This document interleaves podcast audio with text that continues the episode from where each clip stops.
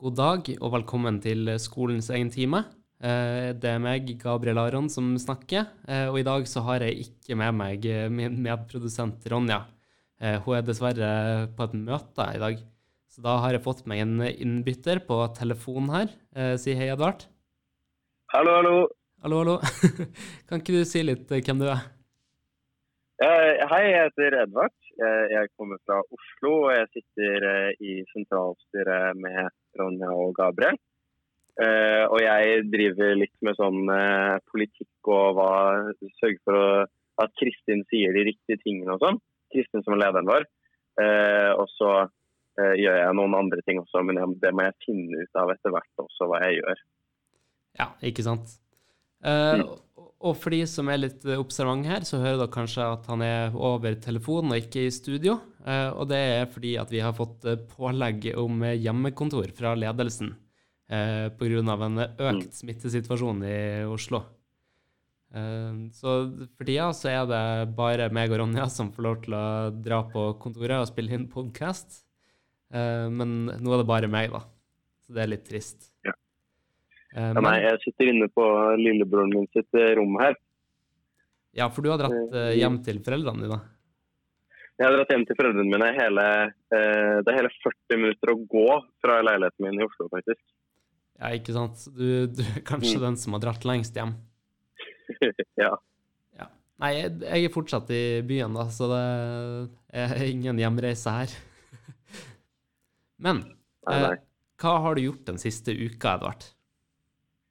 Eh, jeg har eh, jobbet eh, litt med en sak om mobbeloven, som vi skal snakke litt senere om, tror jeg. Og så har jeg også tilpasset meg den nyere kontorhverdagen i, hjemmekontorlandskapet. Jeg, lurte på hvor alle ble av klokken ni i dag, men jeg tror de forsov seg. For det var ingen av de andre sentralstyrene som kom på kontoret mitt. Nei. Nei, det føler den der. Eh, Jeg også har brukt de siste dagene på å hente PC og sånn på kontoret. eh, Flytte med meg det hjem. eh, Sette det opp hjemme og innse at det lille spisebordet jeg har, ikke er stort nok til å ha to dataskjermer på seg. Så det er litt sånn teknisk problematikk hjemme nå. Men jeg håper på å skaffe et skrivebord i løpet av uka. Det er liksom målet, da. Ja. Nei, men du nevnte jo det med Du kan, du kan låne et fra meg. Ja, ikke har sant? Mm. Så da kan jeg komme meg hjemmekontor hos deg? Ja, jeg har også en køyeseng her. Å, supert. Ja, men da har vi opplegget på i god behold. Men du nevnte det her med den mobbeparagrafen. Eh, og det var Ja. egentlig det vi hadde planer om å snakke i dag om uansett. Så det er veldig bra at eh, du er her, i alle fall. Kan ikke du nevne litt om hva den er? Jo, um, så i 2017 så fikk vi endringer i opplæringslova paragraf 9a. Og paragraf 9a den handler om elevene sitt skolemiljø. Så det er liksom vår arbeidsmiljølov. Um, og i da disse nye endringene uh, i NIA, de handlet veldig mye om mobbing. da. Uh, så om hva skolene skal gjøre når elever melder fra om mobbing, og hvor mye ansvar rektor og eh, de som eier skolen, altså kommunen eller fylkeskommunen, da, eh, har. Og Da fikk rektor og skolene mye mer eh, ansvar. De fikk det eh, vi kaller en skjerpet aktivitetsplikt. Som betyr at hvis noen melder fra om en mobbesak, så må de gjøre noe med den. Hvis ikke så kan de få bot. Rektor kan få bot personlig eh, for å ikke gjøre noe med en mobbesak. Ehm, men også da var det eh, en del av den loven som handlet om hvis en lærer mobbet en elev. Eh, for da, Det har tidligere vært sånn at en elev kan komme til rektor og si at læreren min mobber meg, men så kan læreren si nei, det gjør jeg ikke. Og så kan rektor være sånn ok, men læreren er voksen. Læreren er sikkert eh, smartere enn eleven og kan sikkert mer om mobbing. Eh, Men nå sier loven at liksom, elevenes subjektive oppfatning da, skal ligge til grunn. Så rektor må liksom opprette sak og undersøke nærmere hver gang en elev sier at de er mobbet av en, av en lærer. da. Ja, men det er jo ikke sånn at uh, hvis du går og sier direkte at du blir mobba av læreren din, så blir læreren din sparka uansett. Men det, det må komme noen Nei, nei, løsninger nei, her, ikke i det hele tatt. Mm, det, må, det må komme noe Det må uh, undersøkes nærmere. da, og Skolen må liksom kunne dokumentere at de faktisk har tatt eleven på alvor og sjekket opp hva som skjer. Ja. Eh, og Så skal da rektor fatte det som heter et enkeltvedtak, som er et juridisk begrep. Eh, men man trenger egentlig bare å vite at for å gjøre sånn, så må man høre med alle sidene av saken. da. Så da må man høre med læreren og man må høre med de andre elevene i klassen. og sånne ting. Og hva kan f.eks. sånne enkeltvedtak gå ut på? Eh, vet du hva, det er jeg litt usikker på. Eh, det kan handle om eh, at lærere flyttes fra, eh, eh, fra eh, timene med den eleven. Men det vanligste det er sånn represalie. Eh, og det er egentlig formell kjeft. Ja. Um, mm. Ikke sant? Og så har vi jo hatt en del sånne lærerorganisasjoner som har vært litt kritiske til denne loven. Eh, og det er jo egentlig det som er det som skjer nå i dag. Eh, at Mm. Det har vært eh, over lengre tid siden loven kom og siden den ble foreslått sånn, så har eh, mange organisasjoner vært litt kritiske til den. Eh, og hva er det egentlig den kritikken går ut på? Ja, um, Det er mange lærerorganisasjoner som sier at lærerne har en svekket rettssikkerhet nå. Uh, fordi det er noen skoler som ikke har klart å følge disse andre delene av lovverket. da. Som f.eks. at man må høre med alle parter når man oppretter en sak. og sånn. Så er det noen skoler som ikke har klart det. Eh, og derfor har ting liksom ikke blitt tatt opp med lærere og sånne ting før det har kommet til f.eks. Fylkesmannen, da, som er den høyeste instansen en mobbesak kan komme til. Og Da, da er du i, i, i stor trøbbel, da, i big trouble, eh, om eh, saken din kommer til Fylkesmannen. Um, men um, så Det er noen skoler som har håndtert dette lovverket dårlig. og Derfor mener lærerorganisasjonene at det skaper veldig mye usikkerhet. Da. De, vil, de vil endre på loven. Ja. Eh, og det er også der disse, dette nye forslaget som kom fra Arbeiderpartiet forrige uke, eh, spiller litt inn.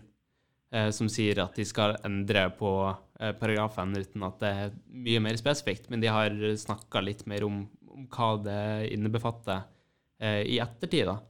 Eh, det er jo blant annet at de skal endre den sånn at den ikke svekker for noen av partene. Det var en av de tingene de sa. Eh, at det skal bli liksom bedre for begge parter. Mm. Du har jo lest litt eh, mer om det her enn meg. Du kan kanskje fortelle litt hva det er de, de konkret eh, har lyst til å gjøre? da? Ja, fordi eh, fredag eh, 25.9 var det, så kom Arbeiderpartiet ut med nytt eh, forslag til partiprogram. Eh, og altså, det de skal gjøre på Stortinget neste periode. da. Og eh, der så står det at de da, de da vil endre eh, paragraf 9a, eh, sånn at det bedre ivaretar både elevenes og lærernes rettssikkerhet. Men det som er greia her, er jo at eh, det er veldig vanskelig. Eh, fordi lærerne har allerede veldig veldig eh, stort stillingsvern. altså sånn Det er veldig veldig vanskelig å sparke en lærer eh, etter arbeidsmiljøloven. Og da, de, de, dette, Denne loven som handler om opprettelsen av saken, da, eh, forvaltningsloven, den står også, der står det også veldig strengt hvordan man skal føre en sånn sak. Da, og at læreren skal bli hørt og tatt seriøst der også. Um, så uh, det er egentlig bare det at noen da har satt opplæringslova over uh, disse lovene. Men det er jo ikke sånn lover funker. Uh, men vi er da redde for at hvis lærerne skal få enda mer rettssikkerhet enn det her, så går det på bekostning av vår. Ja. Og det er det som er skummelt når Arbeiderpartiet ikke helt tør å si hva de vil gjøre. Ja, eh, eh, fordi de ikke vil bli kritisert på det. Eh, Og det som er nå, er jo det at en sånn skjerpa aktivitetsplikt, det er jo Mm. det som er kanskje det beste man kan eh, få av sånne rettigheter. sant? Skolen er Mm. pliktig til å følge opp og faktisk gjøre noe med det og rapportere om at de har eh, funnet en løsning på problemet. Eh, Mm. Og altså, det det er veldig få endringer i dette lovverket som kan gjøre eh, mer enn det den skjerpa aktivitetsplikten gjør for elevene fra før av. Eh, så vi er, vi er jo litt redd for at den løsningen de skal komme på, absolutt ikke er bedre enn en skjerpa aktivitetsplikt sånn som vi har i dag, men at den er eh, noe dårligere. Det, det er veldig sant. Og det er spesielt da når Arbeiderpartiet sier at lærerne skal ha en sånn tilsvarsrett, eller de kan kalle det kontradiksjonsrett, så sier ikke når lærerne skal kunne svare for seg. Da. Så uh, hvor i liksom, saksgangen de kan gjøre det. Som betyr at hvis lærer, noen av lærerorganisasjonene, f.eks. Lektorlaget og Skolenes landsforbund, får det som de har lyst til, så kan lærerne si altså, så kan lærer og rektor avfeie denne saken før det blir undersøkt dypere. Da. Ja. Eh, og da mister jo vi mye av rettssikkerheten vår. Ja, uh, så vi er jo ikke helt enig i det her. Uh, absolutt ikke. Men hva er liksom argumentene de prøver å bruke for, for at uh, elever ikke har behov for en altså skjerpa aktivitetsplikt? Er det noe på Nei, Nei, de, de, det, det, som er litt skummelt her, er at de nekter jo for at, at forslaget deres kommer til å gå utover aktivitetsplikten vår, og det at den subjektive uh, oppfattelsen vår skal ligge til grunn på sakene.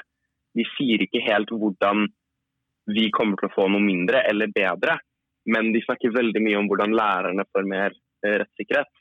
Mm. og det var jo Torstein Tvedt Solberg som er um, utdanningspolitisk talsperson i Arbeiderpartiet, han som er skolepolitisk sjef, da, han sa jo i debatt mot Kristin uh, på tirsdag at, at vi må dele opplæringslovens paragraf 9a med lærerne.